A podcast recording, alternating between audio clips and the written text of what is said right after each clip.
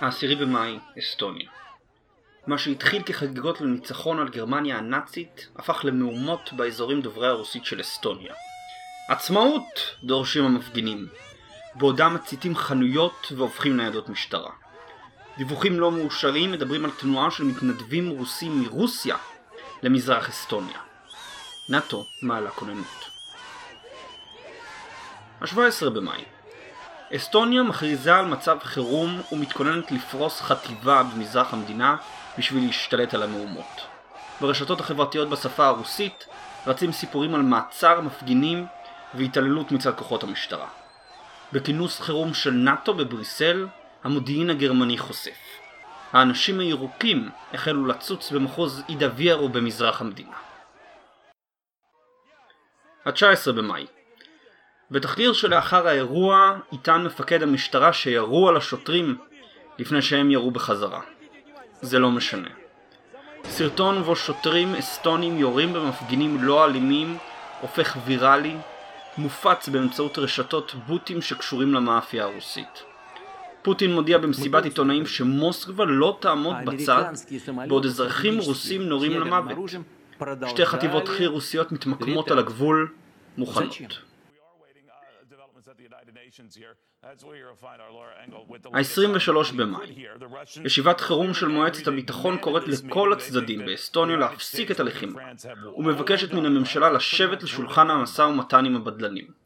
טראמפ מצייץ שארצות הברית לא תצא למלחמה בשביל להגן על מי שיורה במפגינים. ללא אפשרות אחרת, טלין נכנעת לדרישות מועצת הביטחון. ה-26 במאי עם עזיבת הכוחות האסטונים, המחוז הבדלני של אידה ורו מודיע, מודיע על עצמאותו ומבקש מרוסיה הגנה.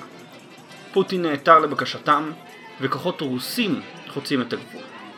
נאט"ו צופה ללא יכולת לעשות דבר. הסיפוח של מזרח אסטוניה הושלם. נשמע הזוי?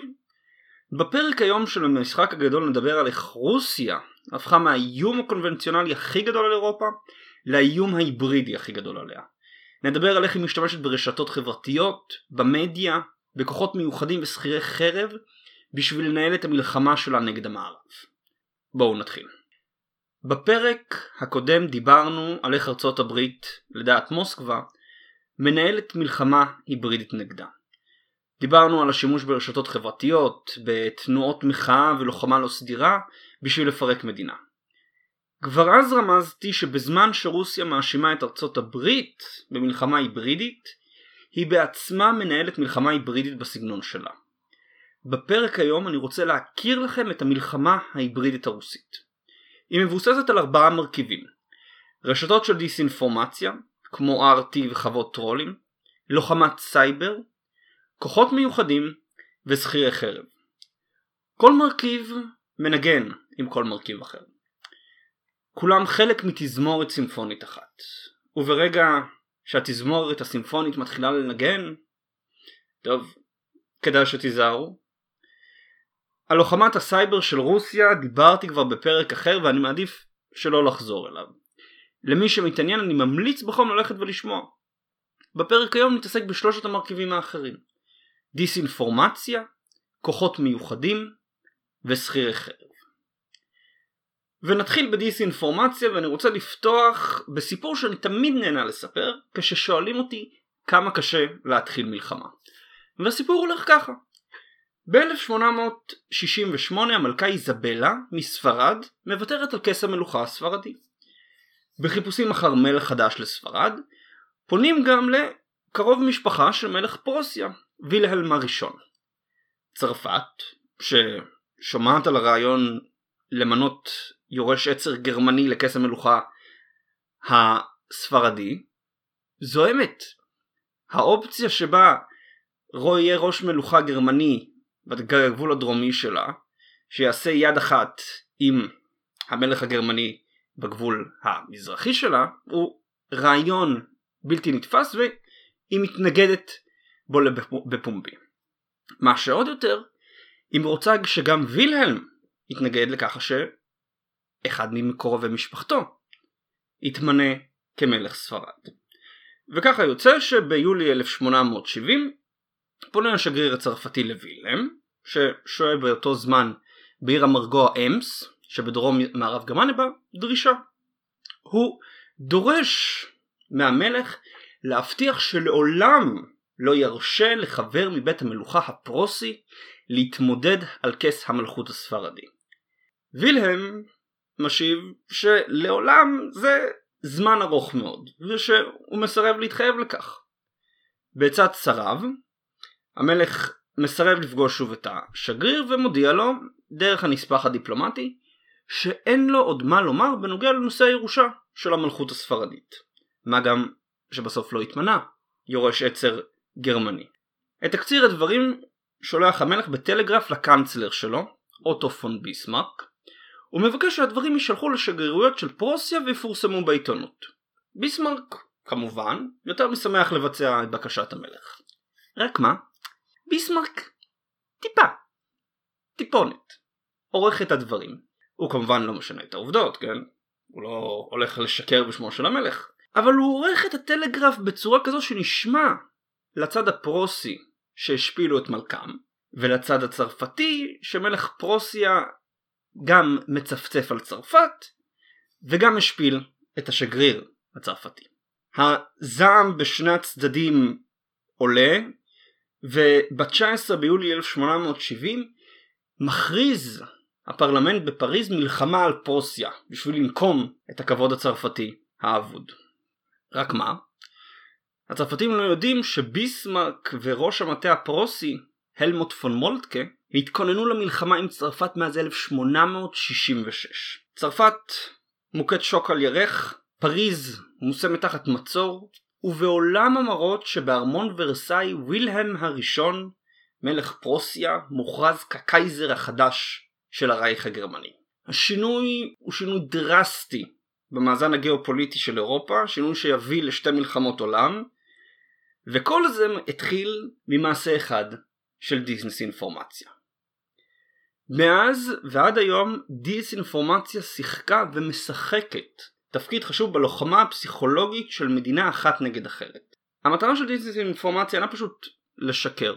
שקר מוחלט קל לתפוס והוא פוגע באמינות שלך. המטרה של דיסאינפורמציה היא להציג את האמת בצורה שקרית. כמו שביסמרק עשה.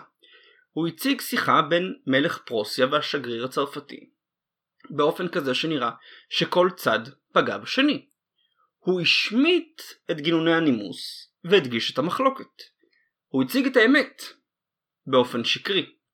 רוסיה משתמשת ברשתות חדשות, RT וספוטניק ורשתות חברתיות, פייסבוק, טוויטר, בשביל להציג את האמת באופן שקרי. ולפני שיקפצו עליי ויאשימו את המערב, כן, גם כלי תקשורת מערבים מציגים fake news. אין ספק. אבל עדיין לא יצא לי לשמוע כתב של CNN שיוצא בפומבי נגד הרשת שלו. כן יצא לי לשמוע כתבת של RT יוצאת נגד עיוות המציאות ברשת. Last night, RT made international headlines when one of our anchors went on the record and said Russian intervention in Crimea is wrong.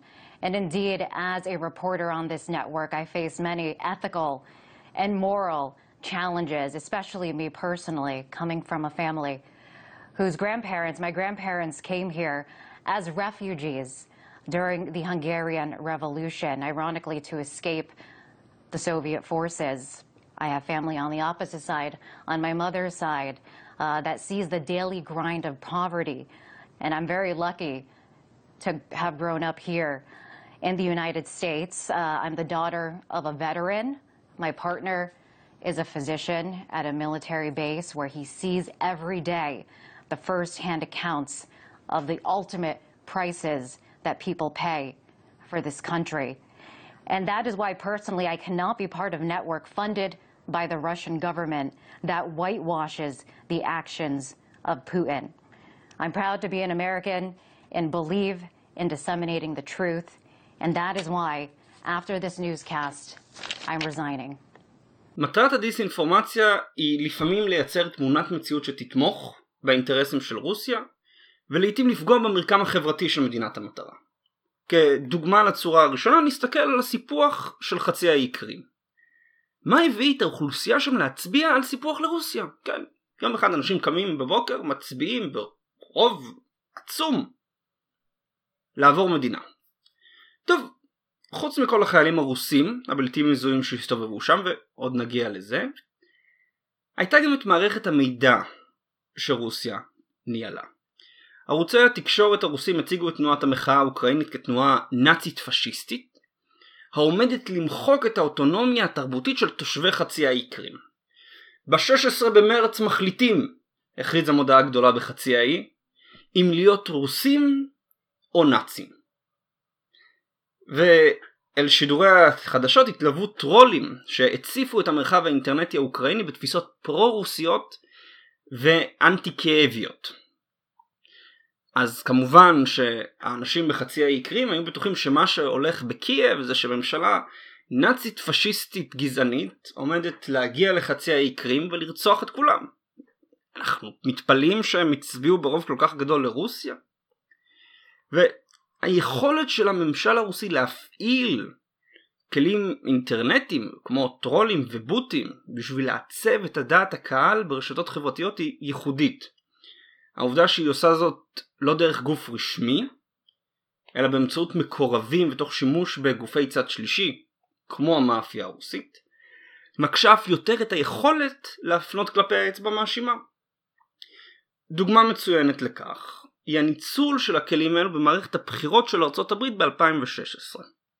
כאן המטרה הייתה ליצור חוסר הסכמה וכאוס במקום ליצור דעת קהל נוחה לאינטרסים של רוסיה. כן, כמו שדיברנו, שתי המטרות של דיסאינפורמציה רוסית זה או ליצור דעת קהל שעוזרת לאינטרסים הרוסים או לפגוע במרקם החברתי של מדינת המטרה. כאן הם פגעו במרקם החברתי. איך? הם השתמשו ברשתות חברתיות, והם השתמשו ברשתות חברתיות בדיוק כמו שגוגל או פייסבוק עושות את זה.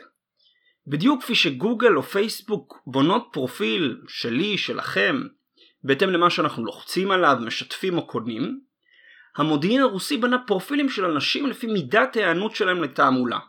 הוא בדק מי מרגיש יותר, מי מגיב יותר לתעמולה שהוא מפיץ לפייק ניוז שהוא יוצר. ואחרי שהוא זיהה אלו אנשים רגישים יותר לתעמולה, הוא הפעיל טרולים אנושיים או בוטים בשביל להציף אותם במידע כוזב, שהם ימשיכו ויפיצו ברשתות החברתיות שלהם. ככה יצא שתיאוריית קונספירציה על רשת להברחת ילדים המנוהלת על ידי בכירים דמוקרטיים, פיצה גייט, הפכה לסנסציה במהלך קמפיין הבחירות.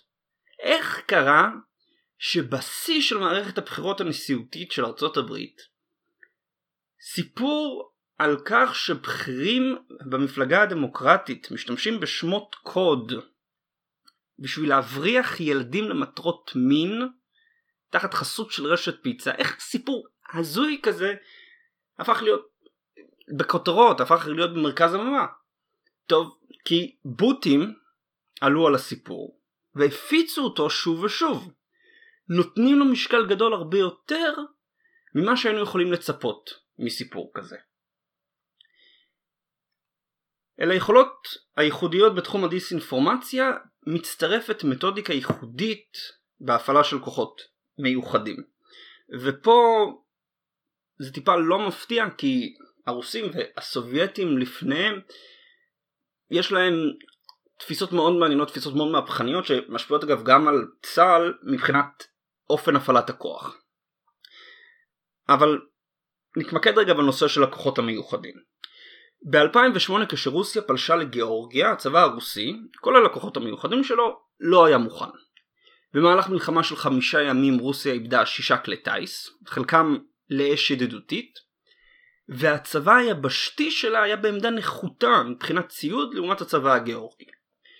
כל כך נחותה שחיילים רוסים הפשיטו גופות של חיילים גיאורגים בשביל ציוד המגן שלהם, בשביל להשתדרג. עם סיום המלחמה ובעקבותיה, הצבא הרוסי עבר כמה שינויים משמעותיים, ביניהם רפורמה במבנה הכוחות המיוחדים שלו, הספצנז. עכשיו, חשוב לשים לב שספצנז הוא שם כולל לכוחות מיוחדים, לא בהכרח ליחידה ספציפית בצבא. למען האמת, חלקן של יחידות הספצנז אפילו לא נמצאות בצבא. לדוגמה יחידת אלפא שייכת ל-FSB, השירות לביטחון פנים של רוסיה ועוסקת בלוחמה נגד טרור. יחידה אחרת, זאסלון, שייכת למודיעין הרוסי ועוסקת בין השאר בהגנה על דיפלומטים, השמדת מידע רגיש והשד יודע מה עוד. רשמית היחידה לא קיימת כך שקשה לדעת מה בדיוק המשימות הרשמיות שלה. ויש כמובן את היחידות הצבא... הצבאיות, הספצנז של המודיעין הצבאי, הגרו, המשמש ככוח מיוחד לצבא הסדיר, והפיקוד לכוחות המיוחדים, שמשמש ככלי הצבאי של הנהגה הפוליטית. ואני רוצה להתמקד בפיקוד לכוחות מיוחדים כי הוא המרכיב העיקרי שמעניין אותנו בשביל להבין את התופעה של ליטל גרין מן.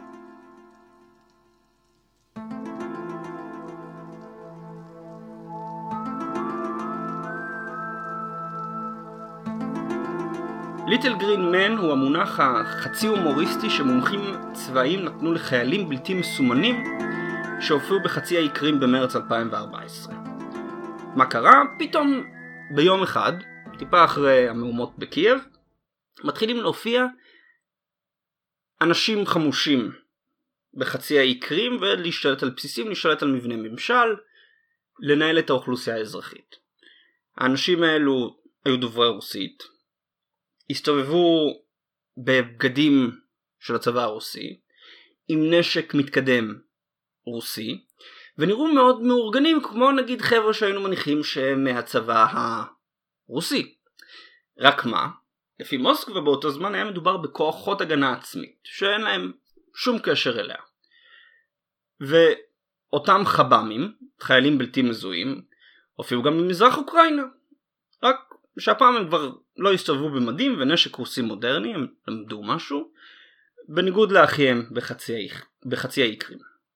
בכל מקרה, בשני המקומות גורמים אוקראינים ומערבים טוענים, וכמו שתיארתי קודם, יש הוכחות לא מעטות, שאותם חב"מים אינם אלא חיילי ספצנז של המודיעין הצבאי, והפיקוד לכוחות מיוחדים. לטענתם, מוסקבה משתמשת בהם ככוח צבאי לכל דבר, אך כזה שנותן לה מרחב הכחשה.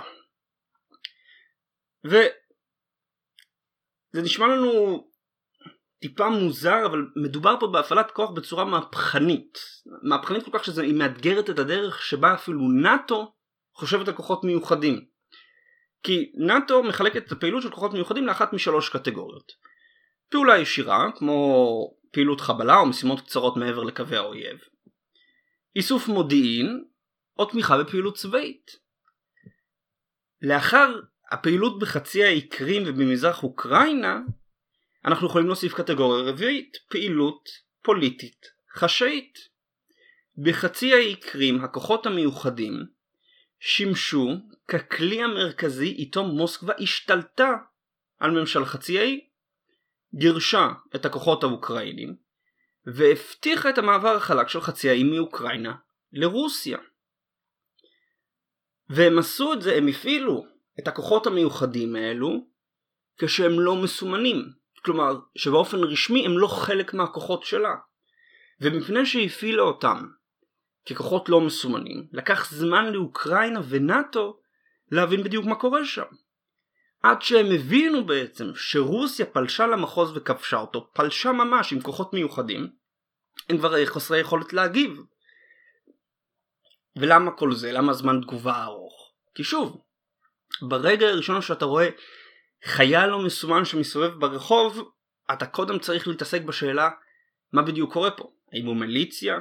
האם הוא חייל של צבא סדיר? אם כן של איזה צבא סדיר?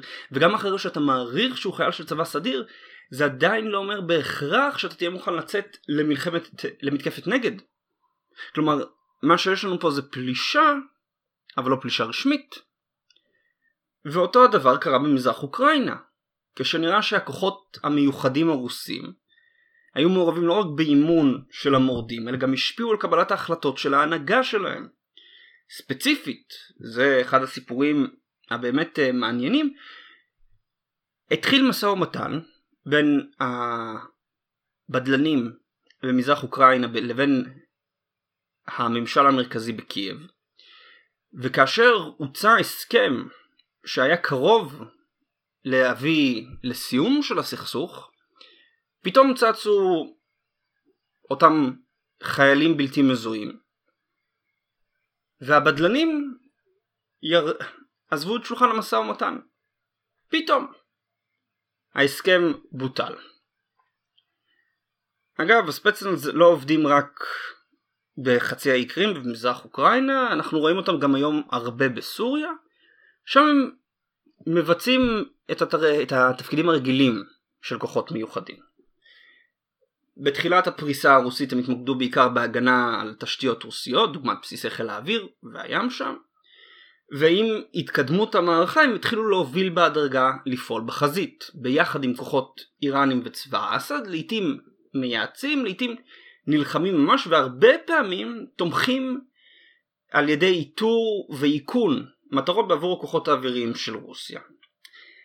אבל הם לא היחידים שפועלים שם בקרקע, והם אגב הם לא הכוח הקרקעי המרכזי שיש לרוסים. וכאן אנחנו מגיעים לווגנר. איך קרה שדווקא שכירי חרב רוסים קישרו מחדש את השם של וגנר לעסקי המלחמה? אינני יודע. כשאני מדבר על וגנר אני מתכוון לקבוצת וגנר. חברה צבאית פרטית שמעסיקה שכירי חרב רוסים במזרח אוקראינה ורוס... וסוריה. בראש הקבוצה עומד אחד, סגן אלוף במיל דמיטרי יוטטקין.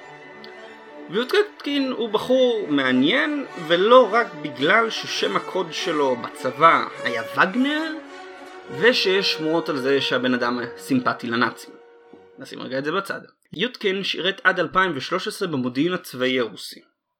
אז פרש ועבר לעבוד תחילה בחברת האבטחה הפרטית מורן ולאחר מכן בגדודים הסלובנים, הגרסה הקודמת של קבוצת וגנר. הגדודים נשלחו לסוריה לפעול יחד עם אסד, אך אחרי מספר תבוסות קשות וללא תשלום סדיר, שכירי החרב חזרו לרוסיה. מה קרה כשהם חזרו לרוסיה, אותם חברי הגדודים?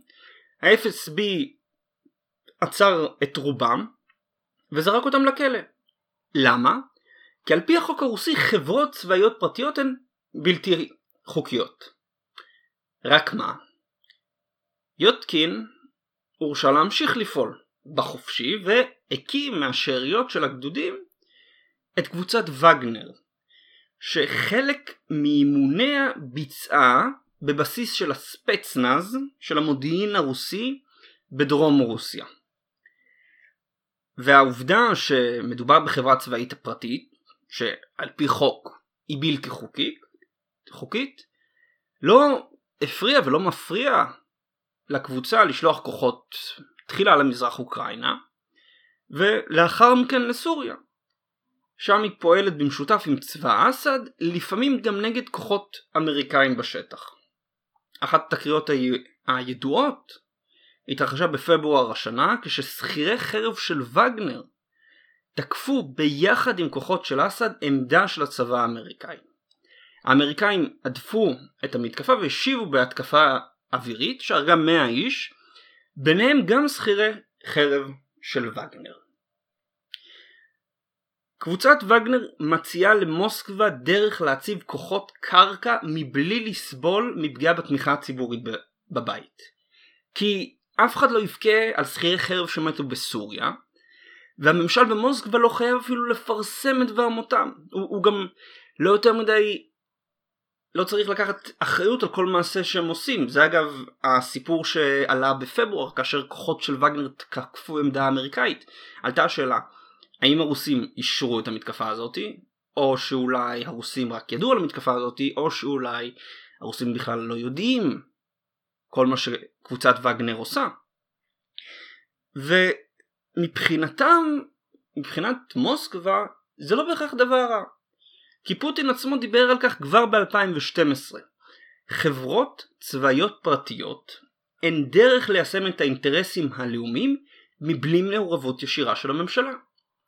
כלומר, כמו שלהפעיל כוחות מיוחדים לא מסומנים זה דרך להשיג יכולת הכחשה, ככה גם שימוש בחברות צבאיות פרטיות.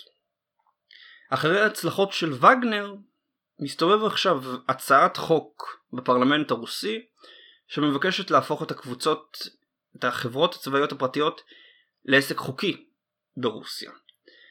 וזה יכול להעיד על כך שווגנר הם רק סנונית ראשונה למה שאנחנו יכולים לראות שהוא פריסה ושימוש בשכירי חרב רוסים בכל, מוקדי, בכל מיני מוקדי עניין של המעצמה. שכירי חרב, כוחות מיוחדים, טרולים ורשתות חברתיות. כולם חלק מארסנל הכלים החדש של מוסקבה. אם סרביה ולוב היו שדות מבחן לאמריקאים, סוריה ואוקראינה הן שדות מבחן לרוסיה. אולם לא זה האתגר היחיד שרוסיה מעמידה בפני המערב. אבל על זה אנחנו כבר נדבר בפרק הבא. תודה לכם על ההקשבה.